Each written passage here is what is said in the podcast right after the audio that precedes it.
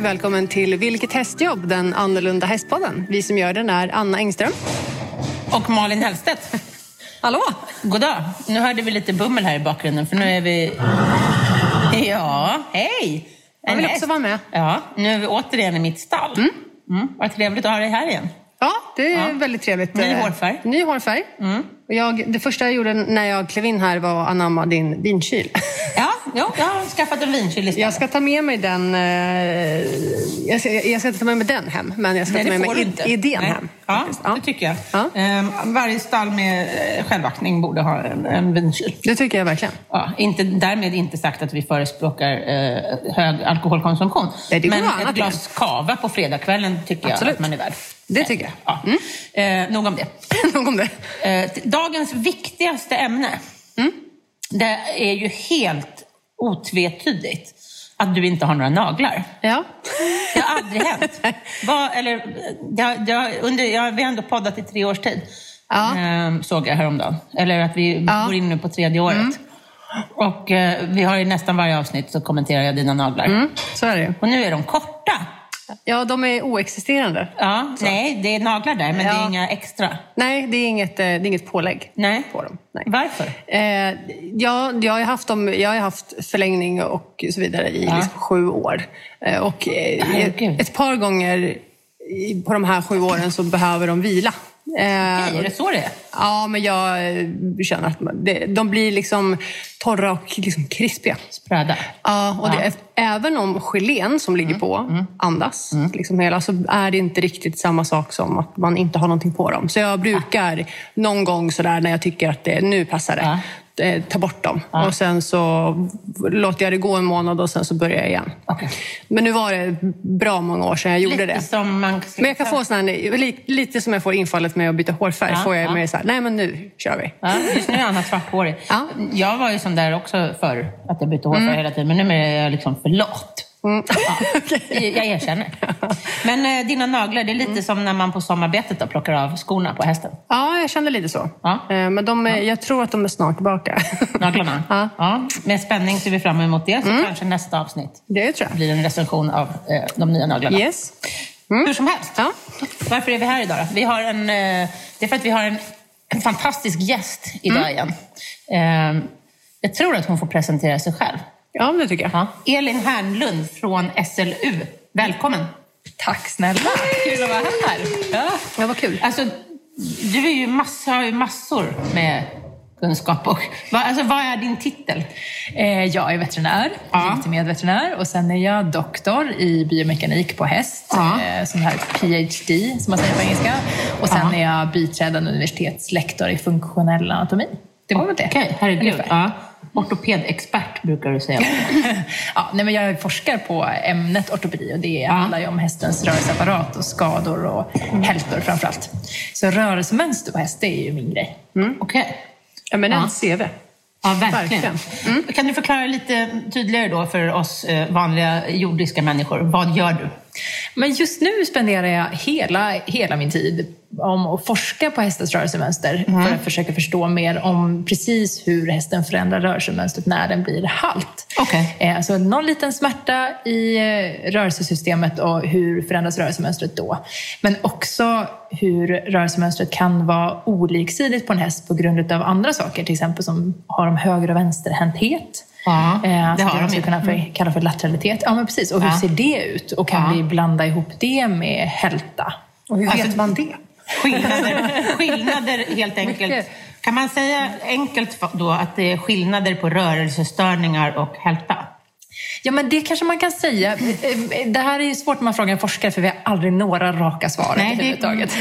det har inte veterinär heller, tycker jag. nej, nej, men visst. Nej, men, och, Och man kan, kombinationen veterinär-forskare. Ja, Ja, precis. Det blir jättedåligt. Här, det, nu kommer vi bara gå djupare och bli mer förvirrade. Ja, ja. Men då kan man ju säga att hälta, som vi definierar, i Sverige, är ju att man har en rörelseasymmetri hos hästen. Alltså en oliksidighet i rörelsemönstret som är kopplat till att hästen har ett funktionellt problem eller en smärta från rörelseapparaten. Och, och det är ju faktiskt det ordet vi använder, det har inte jag hittat på, rörelseapparaten. Det är liksom alla muskler, alla senor, alla leder, skelettet och allting sånt. Um, och medan en rörelsestörning, ja men då kan man kanske tänka sig en mekanisk störning. Mm. Um, det finns ju hästar till exempel som får skador i muskulaturen som gör att de har ärrvävnad någonstans. Mm. Mm. Till exempel i en muskel som går precis längs med svansroten och ner längs med insidan av låret.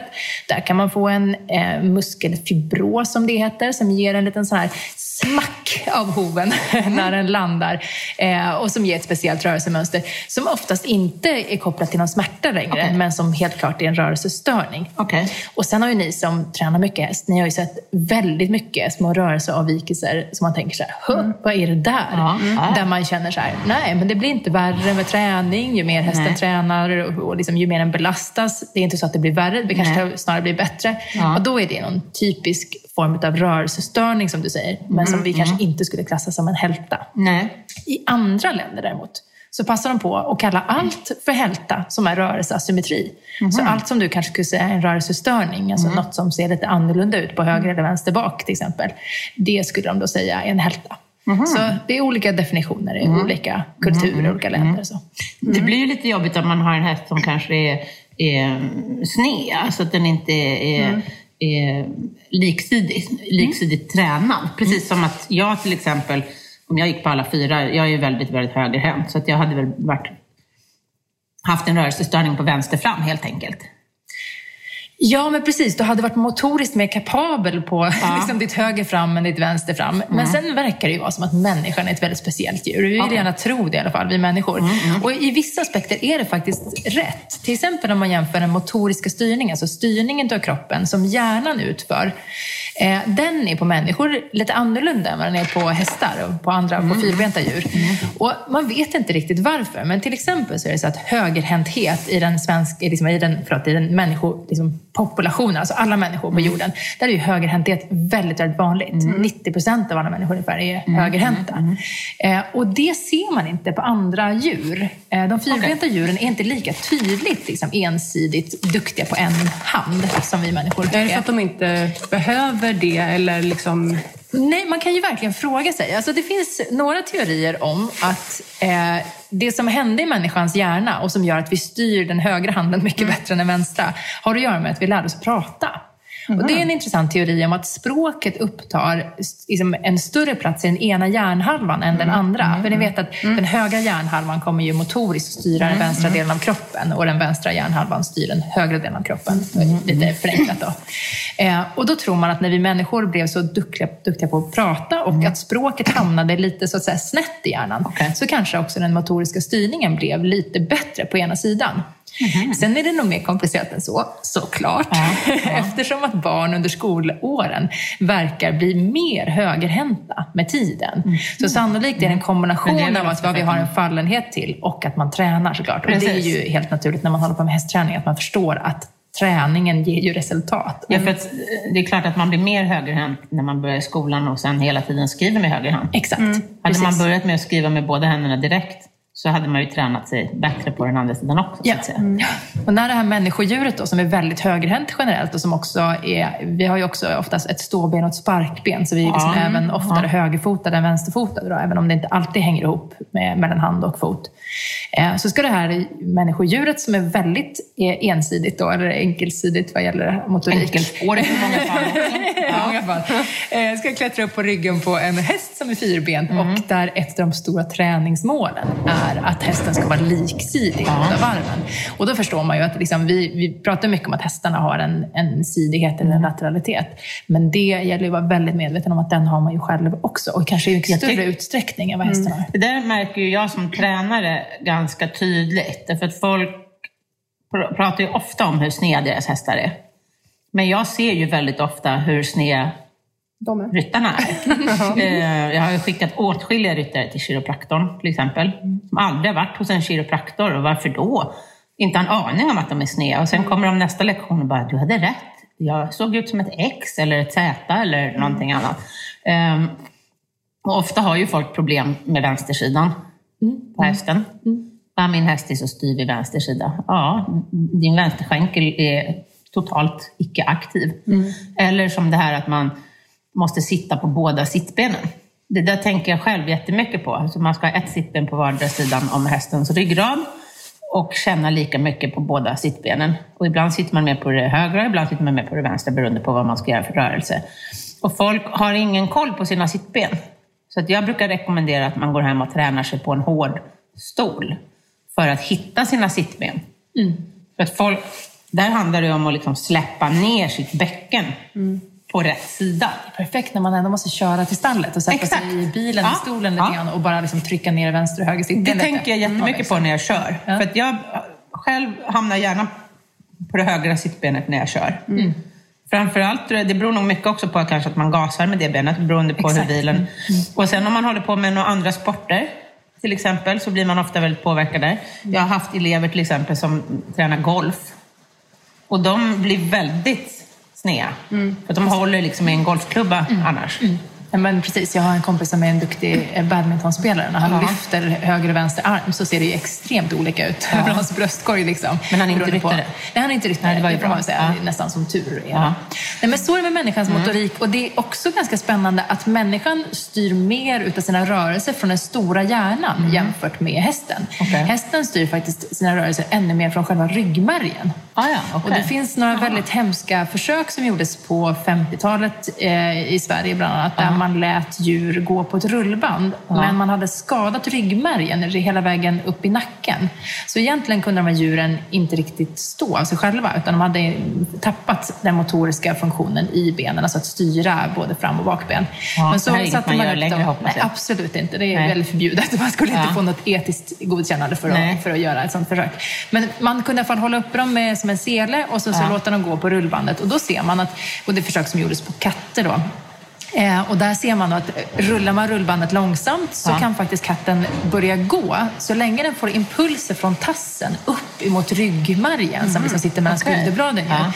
eh, längs med ryggraden där, så kan hela den motoriska loopen kroppen av att aktivera musklerna till att gå, de kan funka av sig själva utan att hjärnans rörelsecentrum Aha. är påkopplat. Ja. Och kör man rullbandet fortare så kan katten börja trava. Och kör man rullbandet ännu fortare så kan katten börja galoppera. Okay. Och då började man förstå att mm. här finns det egentligen ett helt, som ett helt nervsystem som inte behöver koppla upp till hjärnan, Nej. utan där rörelsen i gångarterna, mm. de behöver egentligen gå mellan eh, hoven eller tassen mm. och sen så upp till ryggmärgen som sitter i ryggraden och så tillbaka igen. Och där okay. kan man få det här rytmiska systemet av rörelse som är de olika gångarterna. Mm. Så i hästens ryggrad ligger själva nervcellsprogrammeringen för att röra sig i olika gångarter. Det hjärnan gör, det är att säga till att du ska starta, mm. att du kanske ska sakta ner, att du ska byta gångart, att du ska göra på olika mm. sätt. Och det är därför, jag, det här är ju bara en teori, men det är därför jag tror att när vi dressyrrider så är ju övergångarna en så otroligt stor del mm. av att skola hästen. För, måste, för då måste du prata om hjärnan Exakt. helt plötsligt. Liksom. Och så måste hästens hjärna prata med nervsystemet. Ja, men precis. Och det här som egentligen är ganska automatiskt mm. gående mm. när man då väl är i en trav, är, mm. väl är i en galopp eller är i en skritt, då är det liksom ett gäng nervceller som bara mm. skjuter ett visst mönster och som får hästen att röra sig rytmiskt enligt en viss kod. Mm. Vi tänkte att vi skulle prata lite lätt om hur man kan uh, hålla koll på sin häst, helt enkelt. Ja. Vad kul. Eller hur? Mm. vad kallar man det? En okulär besiktning och palpation? Ja, visitation kallar vi det oftast för när man är hästmänniska och mm. tänker att man ska visitera sin häst när den kommer in från hagen till exempel. Ja. Så liksom en gång om dagen rekommenderar man som veterinär mm. att man ska vilja att djurägarna tittar på sin häst med ögonen ja. och känner med fingrarna. Att, att, man helt enkelt lär känna hästens dagliga ehm, normaltillstånd. ja, men precis. Kan man säga hur känns det i vanliga fall? Ja. Hur, kan jag und, und, hur kan jag förutse en skada? Mm. Ja, ja, ja, exakt. Och då är det liksom gäller att hålla koll på massa olika saker. Mm. mm. Dels kan det vara att känna på musklerna, som jag mm. tänker att vi kan göra det tillsammans. Mm. Eh, men sen finns det ju hur mycket fyllnad det finns i lederna, till exempel, mm. utav ledvätska, om de är det vi kallar för gallia. Så är lederna lite svullna. Eh, hur känns de här olika delarna på just din häst? Finns det någon bump på skelettet någonstans som du vet om att den finns där? Och mm. Är den varm eller håller den sig lugn och stilla och det händer mm. ingenting med den? Ja, men då behöver man inte oroa sig för den. Nej. Då checkar man bara av hur det är.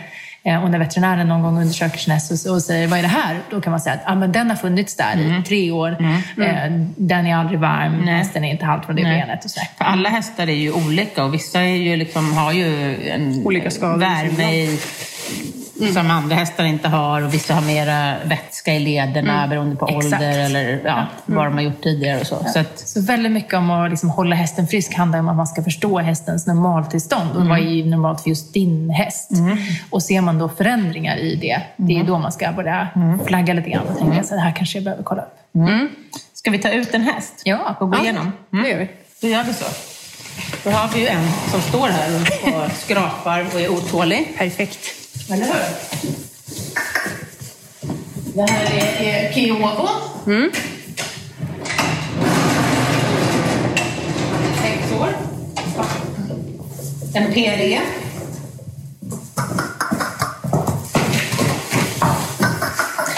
Och när jag, nu ställer Malin upp hästen här framför oss så vi kan få kolla lite grann. Och skulle jag vara veterinär nu och tänker att jag tittar på den här hästen för första gången så är det, det första jag gör är att titta på hästen på lite avstånd för att se vad den har för eh, exteriör, alltså konformation. Där tittar man ju lite grann på hur benen är vinklade och vad hästen har för muskelansättning och om den ser fin ut i, i pälsen, om den ger ett allmänt eh, sjukt beteende, liksom, mm. när den ser liksom, raggig och ledsen ut eller om den är fin och blank i pälsen och sådär. Ja. Men det är ju ingenting som man tänker på varje dag när man ser sin egen häst, för då har man ju koll på precis hur det ser ut. Och konformationen kommer inte heller förändra sig på en häst under tiden, faktiskt inte särskilt nämnvärt medan den växer heller, utan man känner ju sin häst och vet hur den, den ser ut. Så här är det mer liksom att känna av statusen. Så jag tänker mig att vi låtsas att det, det här är den hästen som vi kollar på varje dag. Och så gör Precis. vi en genomgång som jag tänker kan vara vettig. Nu stretchar han också Ja. jättefint framför här. Åh, vad härligt. Jag vill visa upp Jag hur det. otroligt smidig han är. Ja. Kolla nu på Jag exteriör. lärt honom det här. Kolla. Han, han, eh, Ja, det han, han ställer fram Han frambenen och så, förväntar sig godis. ja, och så gör han det som i yoga kallas då för stående hunden. Ja, ja. Jag känner att jag skulle behöva göra stående hunden bredvid där, Ja. för att mjuka upp mig själv. Han är besviken nu för Ja. att han inte fick någon godis. Ja, det var helt Men, eh, orimligt. Jag håller med honom. Du kanske vill att han står lite mer... Mindre i stressposition. Nej, men alltså, ja, det bästa när man ska känna på sin häst, och det är ju faktiskt en ganska bra övning oavsett, det är ju att man lär hästen att stå liksom lite så att säga, som en fyrkant, att den ska lära sig att stå ganska jämnt.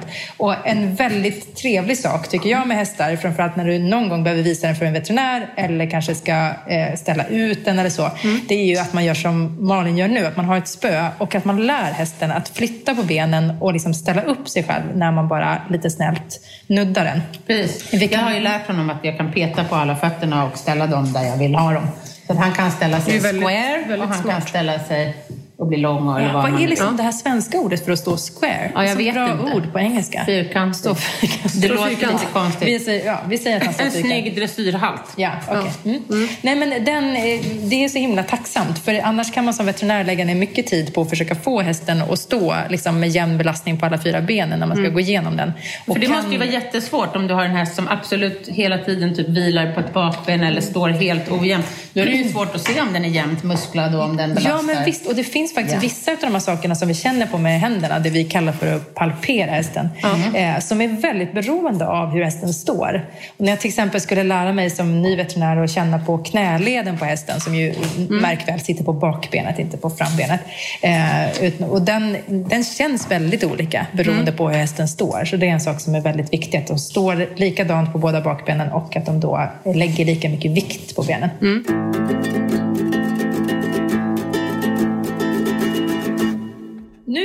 vår dagliga visitation här Ja. helt enkelt. Vad Och- börjar man med? Ja, då tar man sina händer helt enkelt och så börjar man ju såklart hälsa på sin häst. Mm. Ja, och då passar man på att stryka lite över muskulaturen på halsen. Eh, och Vill du jag- ha honom lös eller vill du ha honom i... Nu står han ju uppställd. Ja, det I spelar ingen roll. så att han är bunden i ett rep. de flesta sidan. hästarna kommer ju stå uppställda, tänker jag. Alla är inte så lydiga som dina Malin. så han kan få liksom låtsas att han är en vanlig häst och Ja, inte träna någon ganska vanlig häst. Eh, nej men, eh, på halsen är det ju väldigt mycket att man känner igenom muskulaturen bara Ja. och känner så att den inte är spänd eller öm. Och jag brukar känna hela vägen upp till den stora halskotan som ligger precis bakom öronen. Eh, och vissa hästar är ju väldigt känsliga i den regionen, upp emot övre delen av nacken. Så gör man dem vana vid att bli kända på här så är det väldigt stor hjälp i all hantering också. Ja, i öronen tycker jag är så här bra. Ja, absolut. Precis. Stryka och klappa. liksom. Ja, för är de känsliga om öronen så brukar det vara svårt att röra nacken också. Ja. Så jag stryker mina händer här lite snällt över muskulaturen. Eh, och som veterinär hade jag ju faktiskt känt igenom alla de olika halskotorna och känt lite grann på hur de känns och eh, försöker liksom röra händerna lite grann både på vänster och höger sida av halsen för att känna om han ömmar över någon halskota. Och jag skulle också titta noggrant på ifall han har jämn eh, muskling av halsen på höger och vänster sida. Ja. Men det är ju något som man i sin dagliga rutin inte behöver lägga ner mycket energi på utan bara är halsen mjuk och känner man precis mellan halsen och bogen mm. så sitter det en muskel där eh, som heter brachiocefalmuskeln. Mm. Eh, och den är en sån typisk muskel som faktiskt blir spänd när de blir halta. Vill du beskriva vart jag har min hand nu, Malin? Um, ovanför bågspetsen skulle man ja. kunna säga. Där halsen börjar. Ja, ja. och fästet på undersidan av halsen. Ja, och sträcka fram halsen lite grann så han slappnar av där. Mm. Så kan jag liksom ta en grabbnäve mm. om den här eh, halsmuskeln som går liksom ner mot bogen. Mm. Och är den väldigt spänd och öm mm. eh, en dag, då mm. tänker man, hmm, här skulle det ändå kunna finnas risk att det finns lite hälta. Just vid den här liksom, punkten, eh, jag som eh, har jobbat i Travstad. Nej, nej. nej, det är ju nej. Bröst, ja, men brösten brukar ju ligga liksom så här. Ja. Men där kan travarna vara lite så att man får stå och massera och man Just det, och liksom de använder ju sin bogmuskulatur ja. Extremt aktivt. Man kan ju mm. tycka liksom, när man gör laterala rörelser som dressyrryttare att mm. här jobbar man med ja. bogmusklerna. Och så. Ja. Men herregud, titta på en travhäst som springer mm. i fullt ös. Vad otroligt mycket de använder sin bogmuskulatur. Så, så de blir ju också liksom... typiskt faktiskt väldigt muskelömma på grund av träningsverk yes. i den här regionen. Vilket man ju inte förväntar sig av en ridhäst. Nej. Och det är så himla spännande Anna att du tränar travhästar. För jag tycker alla dressyr och hoppryttare någon gång skulle åka och kolla på hur en travhäst tränas. Alltså mm. förstå vilken volym av träning, vilken mängd träning de här hästarna får och vilken enorm intensitet de körs på. Stoppa också gärna foten på banan och känn på hur liksom faktiskt stumt underlaget kan vara som de springer på. Så får man ett väldigt bra perspektiv på hur mycket och hur hårt en häst faktiskt kan tränas. Mm. Eh, och jag kan känna ibland i dressyrsporten och sådär att vi vet inte riktigt Nej. ens hur en häst som tränar hårt eh, tränas. Alltså vilken fysisk ansträngning den, den utsätts för. Mm. Sen är det ju knepigt på andra sätt att vara dressyrhäst. Framförallt eftersom han också får massa olika signaler mm. eh, hela tiden. Det eh, finns franska forskare som har tittat på dressyrhästar eh, jämfört med hopphästar, hur de verkar ha beteendeuttryck och hittade mer stressade eller beteendeavvikelser på dressyrhästar till exempel. Som de tolkar som att ah, de får så mycket signaler om att både bromsa och gå framåt hela tiden, så mm. kanske är det en svår, men, mentalt svår mm. uppgift som de står inför. Jag har ju jobbat i både travstall och galoppstall. Eh, travstall bara väldigt kort, men jag har jobbat tre år i galoppstall. Eh, och alltså det är samma sak där. De tränar ju ohyggligt hårt jämfört med mm. de flesta ridhästar. Bara en sån sak som att vi körde ju snabb, jag vet inte hur ni gör på travet, men vi körde ju snabbjobb, mm. eller red snabbjobb två gånger i veckan. Ja. Ofta. Och då springer ju hästarna för fullt. Mm. Hur ofta springer en ridhäst för fullt? Nej, väldigt alltså, sällan. ja, de flesta går ju inte ens i en hage som är så stor att de kan komma upp i maximal hastighet. Nej, nej. De flesta, även om du har en ganska stor hage, mm. så kommer de inte komma upp i maximal hastighet. Nej. För en travbana och en galoppbana, de är ju jag vet inte, Solvalla är väl 1600 meter runt om va? Ja, 1000 meter. 1000 meter runt mm. om. Ja, Täby galopp som jag jobbade på, som inte finns längre, men jag antar att Bropark är likadan. Den har jag för mig var 1600 meter ja. lång. Det är alltså en och en halv kilometer. Mm. Så stora hagar är det ingen som har till sina ridhästar. Mm. Eller väldigt få i alla fall. Och det är ytterst sällan, även om man har så stor hage, så är det ju verkligen inte så att ridhästen som går där i hagen springer för fullt två gånger i veckan lång sträcka. Nej. Nej. nej, nej visst är det så. Och man ser ju faktiskt att just den här, det vi kallar för spetsig träning ibland, mm. alltså att man utmanar lite grann mot gränsen till var hastigheten ja. kan komma upp mm. i. Att det är väldigt viktigt för prestation på just de här löphästarna. Och man kan ju tänka sig faktiskt på en ridhäst att man ibland behöver lite spets även i en sån hästträning för att liksom skapa en stor variation ja. i belastningsförhållanden i kroppen.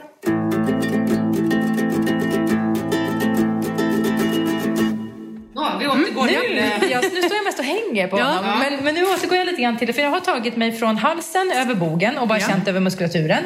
Och sen så känner jag lite grann över ryggen. Mm. Eh, och då brukar jag ibland... kan man ju klämma också den så man känner att den inte är ryggen. Ja, men precis. Mm. Och jag gör ibland så här. Man, man, det finns tusen sätt att känna på en rygg. Mm. Och när, som veterinär så gör jag det mycket mer noggrant. Men bara om jag ska rida en dag så tar jag och stryker längs med de tjocka ryggmusklerna vid sidan av de här spetsiga tornutskotten som ju är liksom mitten på det som sticker upp från ryggraden. Mm. Eh, så stryker och sen brukar jag ibland göra som en liten, tänker ett huggorms, eh, liksom, eh, vad ska man säga, som ett zigzagmönster. Liksom, Ah, ja, ja. För att dra lite över muskulaturen för att känna hur Mm. Och då det ska känns. inte hästen reagera mer än vanligt liksom? Nej, och det här finns det ju en viss individvariation faktiskt. Alltså, som är inte... skickliga. Ja, precis. De tycker det är obehagligt. Och en del hästar märker man tydligt, de gillar inte när man tar försiktigt. Nej. Man måste liksom ta mjukt och ganska stadigt för att de ska tycka att det är okej. Och då tycker jag, då, är det, då hamnar man bort från kitteltröskeln och in mot liksom hur muskulaturen känns. Vilket är kanske det jag är mer intresserad av än om den är kittlig. Liksom. Han är ju väldigt mjuk och fin och elastisk i, i muskulaturen här.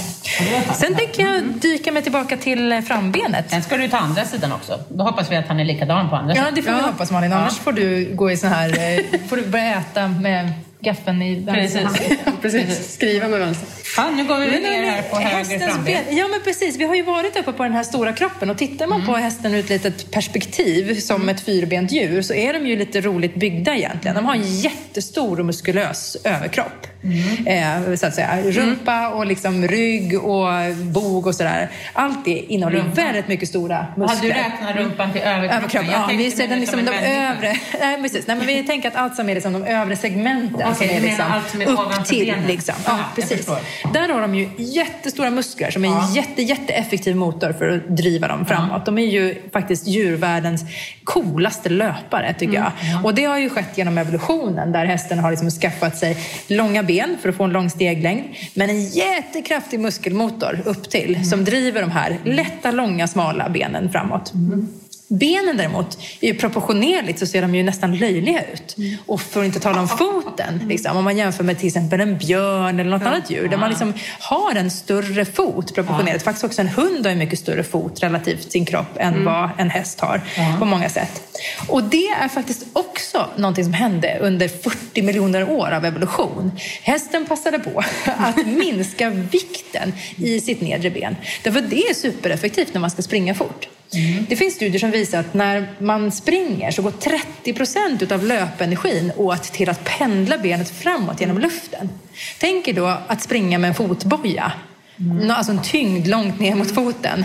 Så kan man känna att oh, det ska vara otroligt jobbigt. Därför att ju längre bort ifrån liksom, rotationscentrum av benet, alltså där benet drivs framåt, tyngden sitter, desto mer energi måste du använda för att liksom, pendla hela den här tyngden framåt. Så det här med att ha en liten fot, de står egentligen bara på sin nagel. Eh, och att de har ställt sig på ett finger istället för som hunden som ju har flera fingrar i sin tass så att säga. Det är ett jätte, jättesmart sätt för att minska energin när man springer.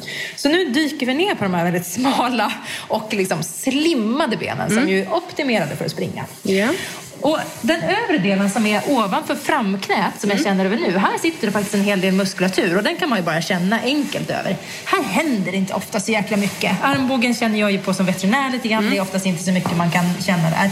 Utan den här muskulaturen den ligger hårt inpackad kan man säga i liksom en, en senhinna. Ja. Sen börjar det hända spännande grejer och det är här vi ska vara och peta varje dag. Nu kommer vi då till kar- karphus. Ja men precis, Eller ska vi kalla det framknä. framknät? Även om Ja, jag kallar det fram. Har ju ibland lite svårt för det här som att jag skulle vilja hävda att det riktiga knät sitter på bakbenet. För det här är ju människor. inte ett knä. Det är, Nej, det är här var en handled. Det är handleden. Ja, ja, och den sitter ju här liksom eh, mitt på benet kan man säga.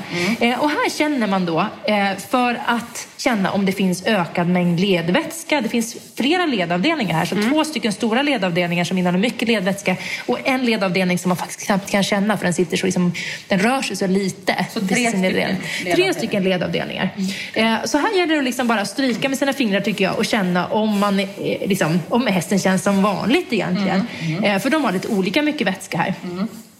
Sen kommer vi ner till skenbenet. Och det är vårt långfinger, eller? Ja, det är mellanhandsbenet. Så liksom om vi alla tar upp handflatan mot oss så är det liksom det långa mittersta benet mitt i handflatan som går till långfingret. Det är skenbenet. Det är skenbenet, precis.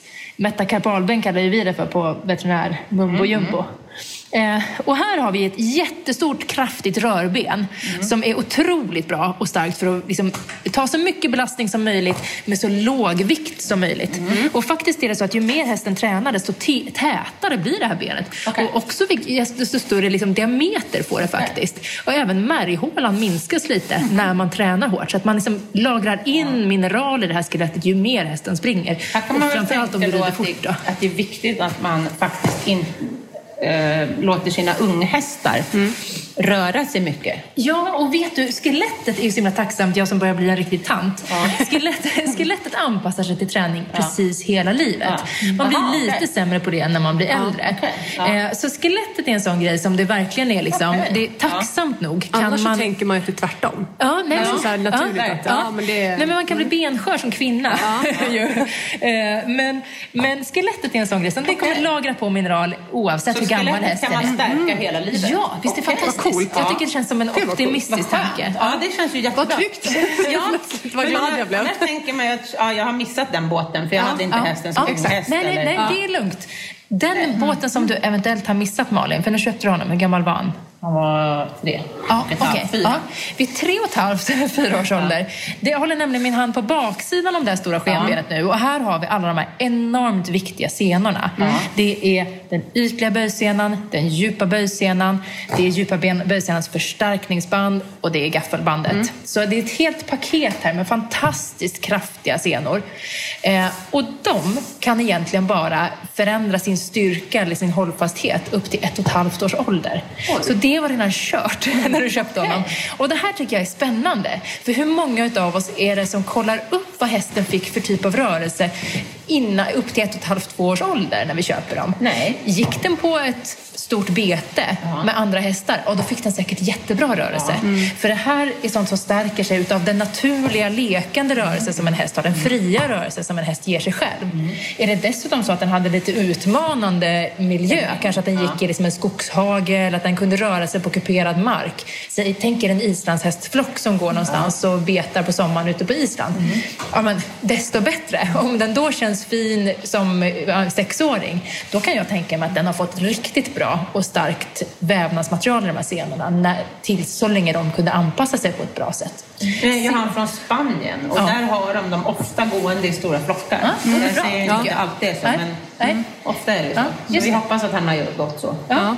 Men så att jag menar, även om det så att säga, både för oss och för honom är kört att mm. få en bättre sena, utan det handlar mer om att se till att senan inte går sönder under hela resten av livet, mm. så är det definitivt så att det här är ett av de viktigaste ställena som vi känner med händerna på mm. varje dag. Mm. Och i princip är det ganska enkelt. Borstar man den här platsen, kanske sätter man på en strykkappa beroende på vad man har för typ av ridsport eller mm. eh, hästatletisk inriktning.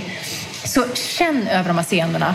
Har man en bulle här då ska man vara uppmärksam. Och det är kanske till och med så att sitter den bullen väldigt tydligt över en sena så att det känns som att den sitter under huden och liksom över en av de här stora senvävnaderna, då ska man nog faktiskt ringa veterinär. Och det kan vara, ja, kan vara mm. även om hästen inte är halt. Mm. Sitter däremot en bulle på skelettdelen, på skenbenet här lite längre fram, så att det verkligen är så att jag bara har skeletter under, då kan det vara så att den bara slagit på sig i skelettet. Mm. Och då bildas det det man kallar för ett överben. Mm. Det är som en liten skelettbulle. Mm. De är oftast helt ofarliga. Hästen kan vara halt till en början, men de går över. Mm. Och där gäller det bara att hålla daglig koll på att den inte, inte slås på, att den inte blir varm, att hästen inte blir halt utav det. Men det är ingenting som jag skulle dra mig för att liksom inte köpa en häst för till exempel, nej, så länge det sitter på ett bra ställe. Däremot en stor bulle över en sena, aj, aj, aj. Mm. Där vet jag då att senan är en vävnad som läker dåligt. De kan ju läka, absolut. Men, men det är mycket mer allvarligt. Och att det finns en risk för att har du en plötslig svullnad över en sena, även om hästen inte visar någon tydlig hälta, då tycker jag att man ska uppsöka mm. veterinär.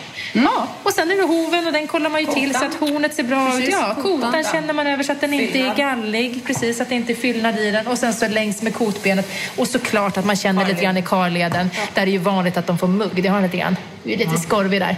Eh, och det är en sån där typisk grej som, ja det är klart det är inte farligt, men hästar kan faktiskt ganska ofta bli rätt så halta utav mugg. Mm. Så att försöka hålla styr på den här huden, det är ju också en viktig del.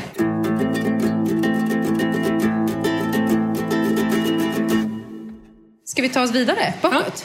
Det gör vi. Vill du prata lite mer om hovar Malin, du som gillar hovar? eh, nej, men jag tänkte ju direkt, alltså, jag kan ju bara lite grann, han är ju barfota som alla mina hästar. Yeah. Eh, så att jag har ju ganska bra koll på hans fötter. Mm. Jag kratsar dem varje morgon mm. innan jag släpper ut mina hästar. Mm. Det tycker jag är en så enkel och bra grej. Mm. Eh, dels så gör jag det för att jag då känner igenom benen.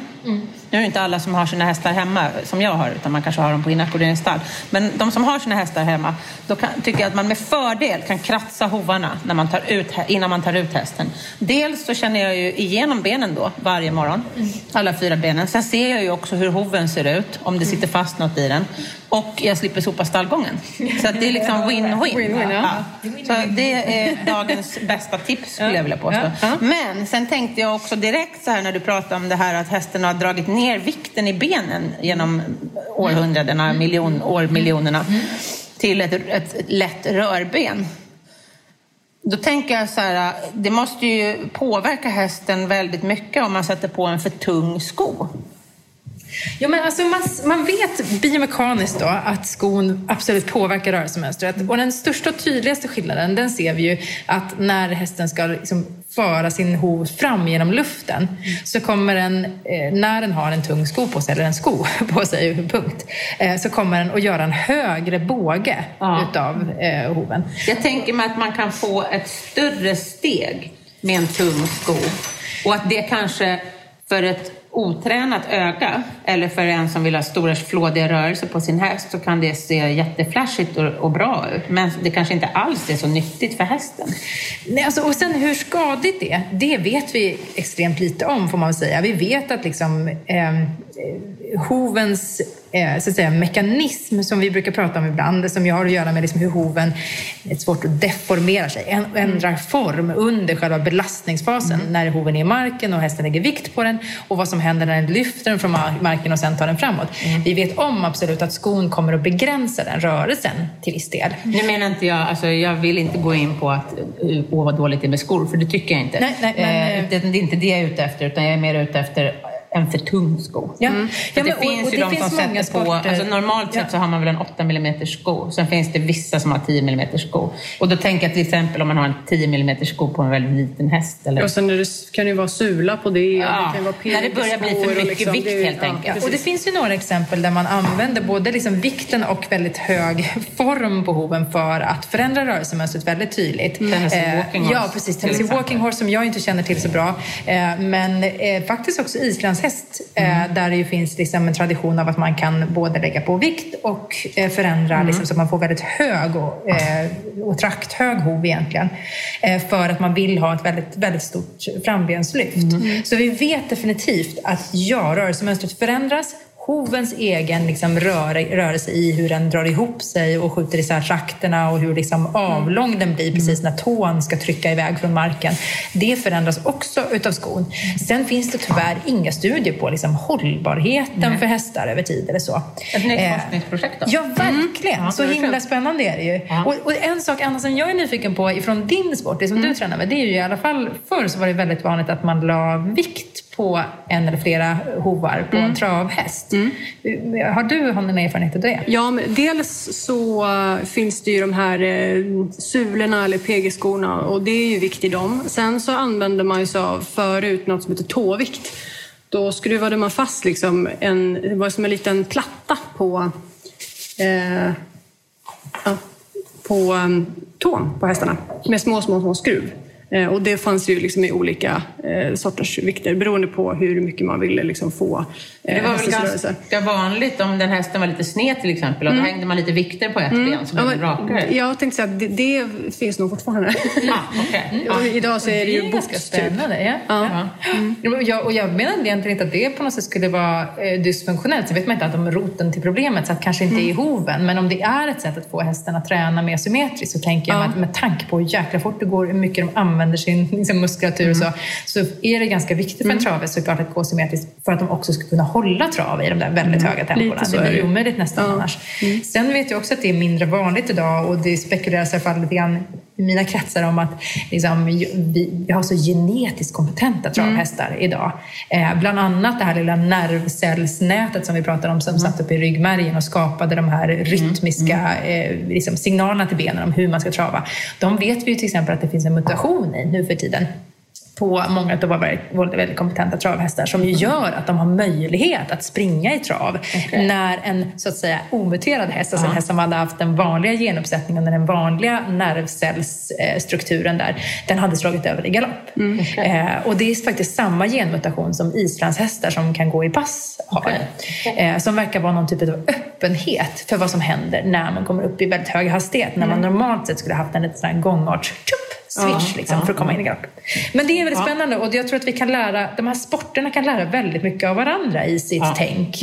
Eh, och framför allt så tror jag man ska prata, man ska starta en dialog om liksom, varför gör man någonting. Det tror jag vi frågar oss för lite ibland också, även inom sporten.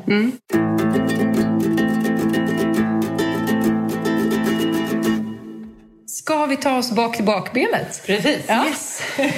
via, via rumpan då. Ja, men precis. Vi har känt lite grann på ryggen. Så nu tänker jag liksom, eh, på hästen är det speciellt för att glutealmuskulaturen som är liksom vår rumpmuskulatur, eh, de har ju motsvarande såklart. Försöker Malin att flytta på ett bakben från framänden där. Eh, om ni undrar vem ekorren är i rummet. Ja. Eh, Men faktiskt är det så att glutealmuskulaturen på en häst som ju är den här stora bulliga muskeln som är upp till på rumpan. Den sitter ihop med ryggmusklerna på ett sätt på hästen som den inte gör på alla andra djurslag. Så faktiskt liksom rumpmuskeln och resten av ryggmuskeln som ligger på varsin sida av ryggraden, de är sammanväxta på en häst på ett sätt som de inte är till exempel på en hund och jag antar inte heller på en människa, men jag är inte så bra på människans anatomi. Eh, Nej, så men vi har ju en mer definierad stuss. Ja, exakt. Ju har ju liksom Cuba fast en jättefin stuss, men, Verkligen. Men, ja, men, Nästan lika snygg som Lorenzo. Sa vi inte högt. Men... Ja.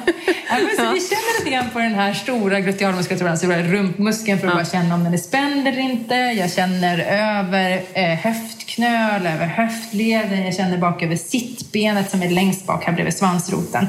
Eh, och här handlar det igen bara om att känna liksom, efter muskulär ömhet och så. Jag känner även på insidan av låret och där kan ju hästarna vara ganska olika känsliga dessutom.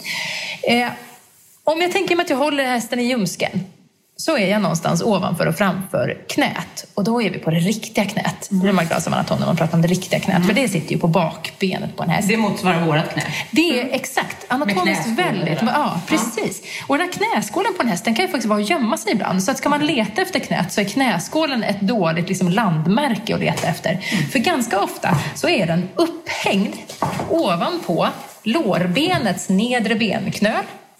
För att hästen ska kunna låsa sitt ben när den står. Aha. Och det är liksom en mekanism som hästen har för att kunna just stå med väldigt lite muskelkraft när den står stilla.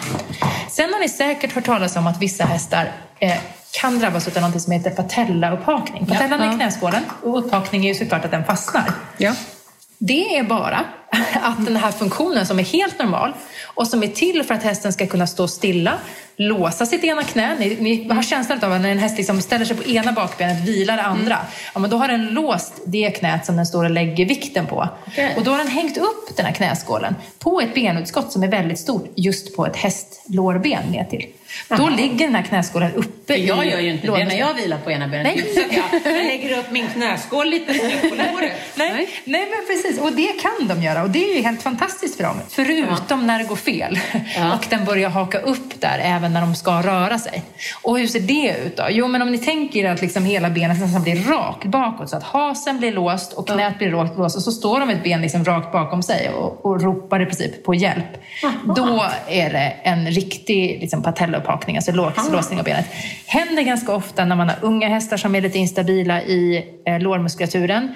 Eller hästar som blir ställda på box av någon anledning på grund av en hälta till exempel.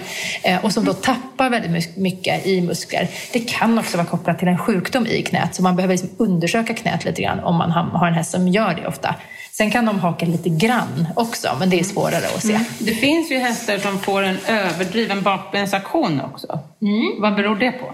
Alltså, Ja, det är en jättebra fråga. nästan går som en... Ja, precis. De som en tuppspatt egentligen. Jag tror att det har med de här nervlooparna att göra. Ah, okej. eh, det är generellt inte så att de, om de låser så brukar det vara så att det är liksom snarare att att knäskålen låser bakbenet precis när det ska föras framåt. Så Ja. blir det liksom lite långsamt i framföringsfas och ser lite rakt ut precis när det ska Okej. liksom tas framåt. Ibland gör de då liksom en liten utåt cirkelrörelse nästan för att liksom, uh, få med sig benet och benet, lå- ja. blåsa upp det. Men de här liksom väldigt, nästan som tuppspatshästarna, där skulle jag nog, alltså antingen så är det begynnelse till tuppspatt som vi ju eh, inte har helt klarlagt vad det är för någonting. Någon typ av nervloop som här. spatt, alltså. Nej, det, finns, det är ju så himla lurigt att tuppspatt och spatt, det som vi som veterinärer kallar för osös spatt, alltså benspatt, det är två helt olika sjukdomar. Tuppspatten är ju just liksom, precis som en tupp, att man böjer sin Precis. hasled väldigt kraftigt. Sker ju oftast i skritt men inte i trav. Okej. Eh, och eh, det finns hästar med tuppspatt även i trav och som nästan kanske sparkar sig under magen med benet för att det böjs så himla Mm. kraftigt. Men där är det någonting i själva nervloopen som eh, har blivit fel. Och man kan till och med ge sådana hästar botox för att liksom spruta i de nerverna som man tänker har blivit liksom lite felprogrammerade i loopen eller som ger fel feedback upp till just igen. Är det smärtsamt för dem? Det vet vi inte Nej. faktiskt. Det kan ju bli smärtsamt om inte annat för det kan vara otroligt oskönt att i varje steg smälla upp benet i princip så att kotan slår i, i buken. Eh, så att jag tror liksom att det snarare är så att det, det blir ett problem. Eh, och de kan ju då stampa ner foten väldigt hårt i backen också för de får liksom ingen kontroll av den här framförande och uppförande rörelsen. Och då ger det liksom sekundära problem, alltså problem på grund av den där jäkla smällen.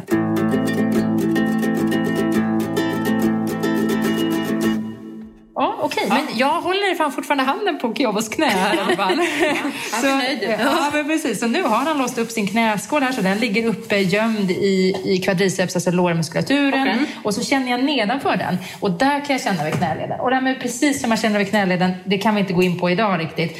För det är något som man man, som djurägare drar man bara liksom handen över här för att känna att det inte finns någonting. Och så känner man på insidan av benet också.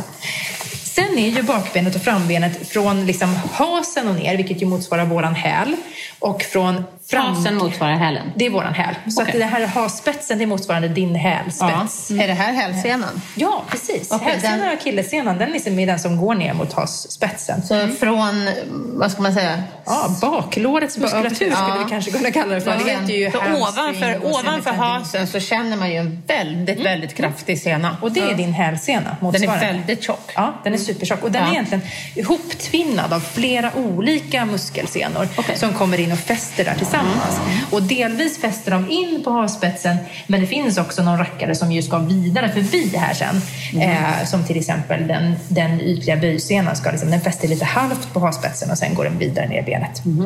Men nedanför haset, hasen så ser ju bakbenet väldigt likt ut frambenet så som de gör nedanför framknät. Alltså, Så vi har handloven, vår handled som är framknät och våran fotled och liksom hasspetsen i våran häl. Då.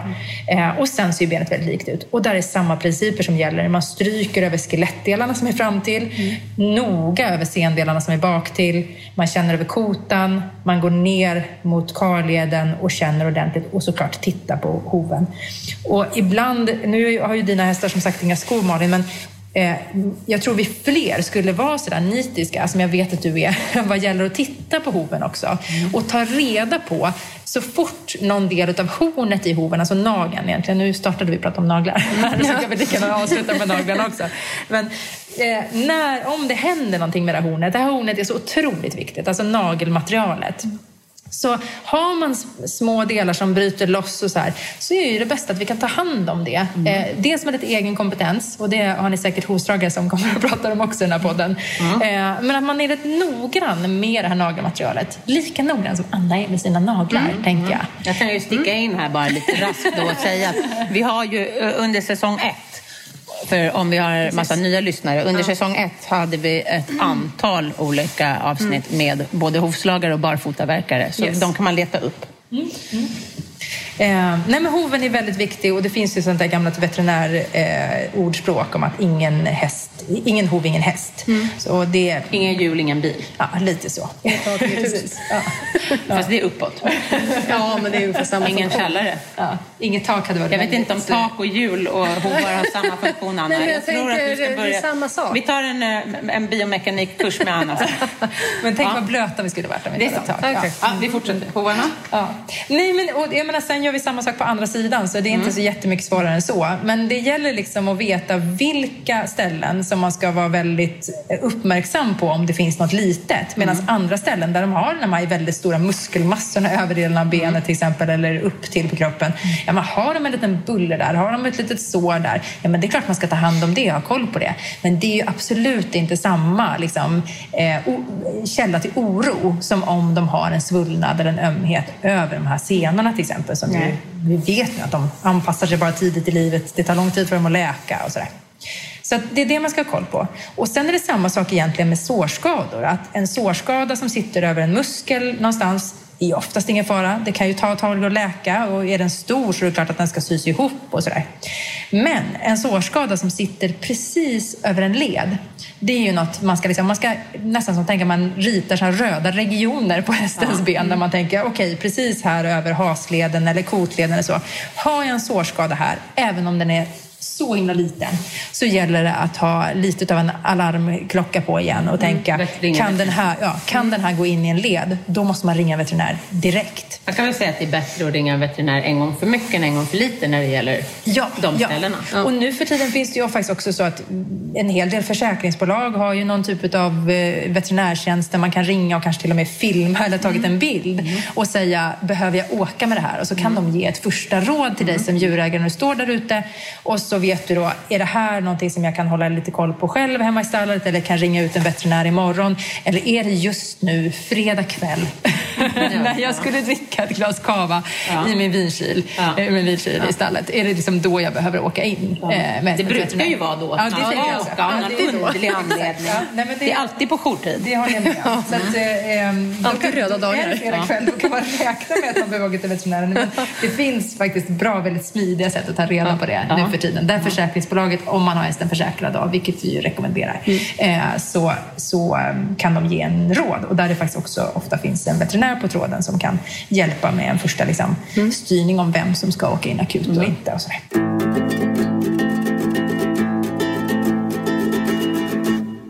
så kritiska punkter när man daglig visiterar sin häst? Då? Mm. Alltså lite grann snabbt sådär. Runt, runt alltså nacken. Ja, alltså där Ganska känner jag, bra. Ja, det är ju bara bra att ha det som rutin tycker jag. Jag tycker mm. allt som är stora muskelgrupper, det är mm. väldigt bra att känna på dem. Mm. Men har man inte gjort det en dag nej. så är det inte hela nej, världen. Nej, liksom. nej, nej, absolut. Men det är bra om man lär sig att hålla koll på nacken. Ja, för det tror jag folk kanske... Folk såklart. känner ofta igenom benen, men kanske ja. slarvar med andra ja. Jag tyckte det var väldigt bra det här du sa också om den här muskeln som jag inte kommer ihåg vad den heter nu. Brachiocefalmuskeln. Ja. Brachiocefalmuskeln. Ja.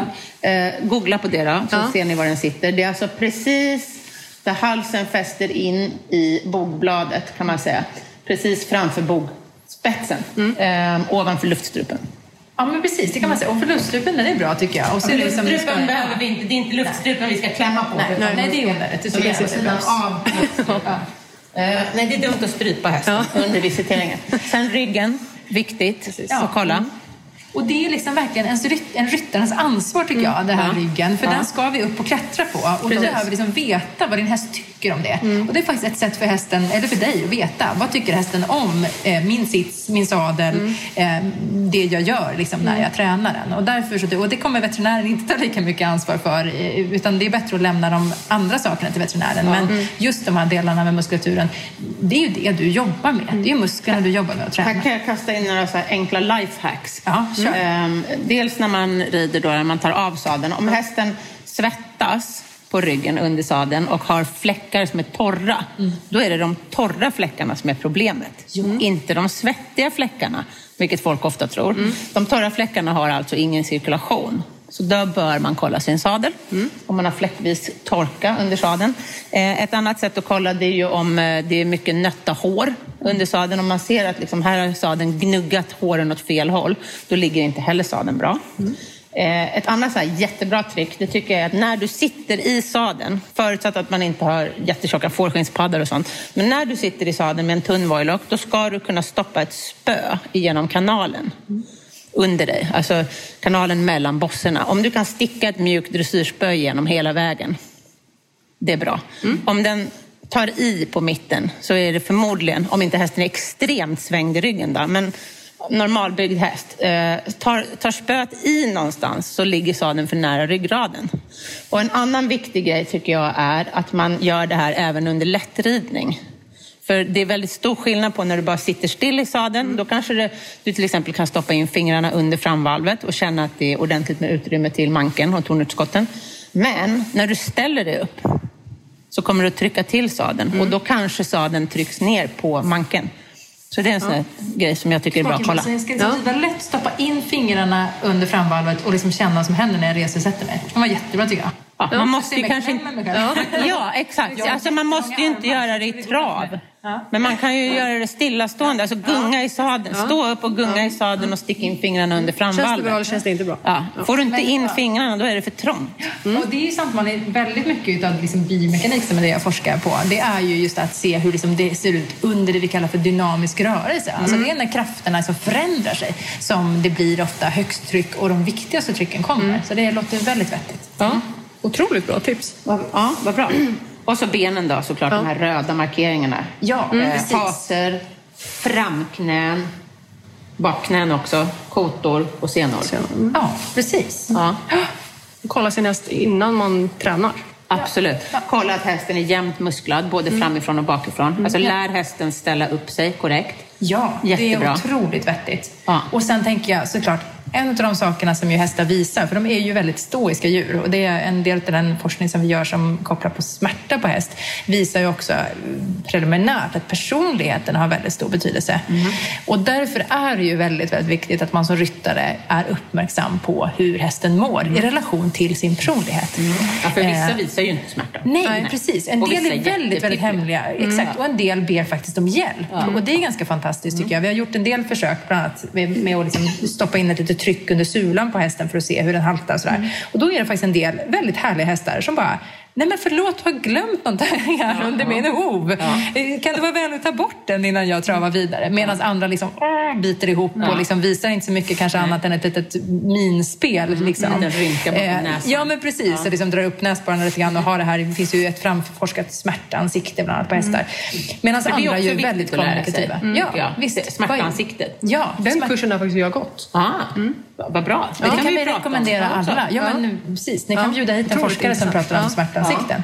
Men det är väldigt, och, som sagt, lär känna din häst i relation till andra hästar så man förstår liksom vilken personlighetstyp den här hästen har. Eh, för det kommer berätta hur uppmärksam man behöver vara. Och en del hästar har en enorm träningsskalle eller vinnarskalle. Så de kommer ju träna oavsett hur ont de har i princip. Så kommer de bita ihop och göra det du ber dem om. Medan andra hästar ju kanske inte förstår kommunikationen superbra och dessutom inte känner att de tänker lägga så många strån i kors för att liksom göra det du ber dem om. Därför att antingen är det otydligt för dem eller de har inte så jättehög motivation. Och det gör att de hästarna kommer protestera mer eh, än andra hästar som är liksom mer stoiska eller mer arbetsvilliga. Så man måste anpassa alla de här bedömningarna till vad det är för häst och vad det är för personlighetstyp. Och det är ju det, något som du som ryttare eller hästtränare eh, vet absolut bäst. Det är svårare för veterinären att få en uppfattning om det de fem minuterna vi ses på kliniken. Lär dig att lägga märke till små, förändringar Ja, precis. Ja. Ja. i, ja. i eh, Fundera över din hästs personlighet. precis, i hästens eh, beteende helt enkelt. Även, alltså, även, och även de här fysiska då, som vi har pratat om. Ja. Mm. Vad bra. Väldigt bra grejer. Mycket bra. Vad kul. Vad kul att få klämma på din fina häst Malin. Eller hur? Nu har vi bara klämt på den ena sidan. Så Ja, vi jag ska hoppas- klämma på den andra innan Ja, jag går det gör vi innan du går här. Jag lovar att meddela i podden om han var extremt sned, men vi tror inte det. Du har klämt på honom förut. Ja, jag. Vad bra! Ska vi ta och avsluta här, Anna? Ja. Det här var ju superspännande. Det var väldigt spännande. Det här avsnittet kommer jag bli, börja bli tvungen att lyssna på fram och tillbaka massa gånger, så jag kommer ihåg allting. Brachiocefalmuskeln. Brachiocephalus. cephal. Brachiocefalus, ja. Cefalicus. Mm, till och med. Brachious cefalicus. Då kan ni googla på det så vet ni exakt Var det sitter. vilken muskel. Och den muskeln hjälper väl till att lyfta fram frambenet va? Exakt, det gör den. Stabiliserar halsen och Ja. lyfter fram benet. Ja, så, Massera, massera, massera. ja, Ja, vi får lära oss. Mm, Absolut, vad bra. Ja. Men eh, tusen tack för att ni har lyssnat idag. Ja, jättetack. Tusen tack Elin för att du tog Ja. dig tid. Kul att få komma hit. Jätteroligt. Anna, Yes, vi ses snart igen hoppas jag. det gör vi. Absolut. Tack och hej! Tack och hej!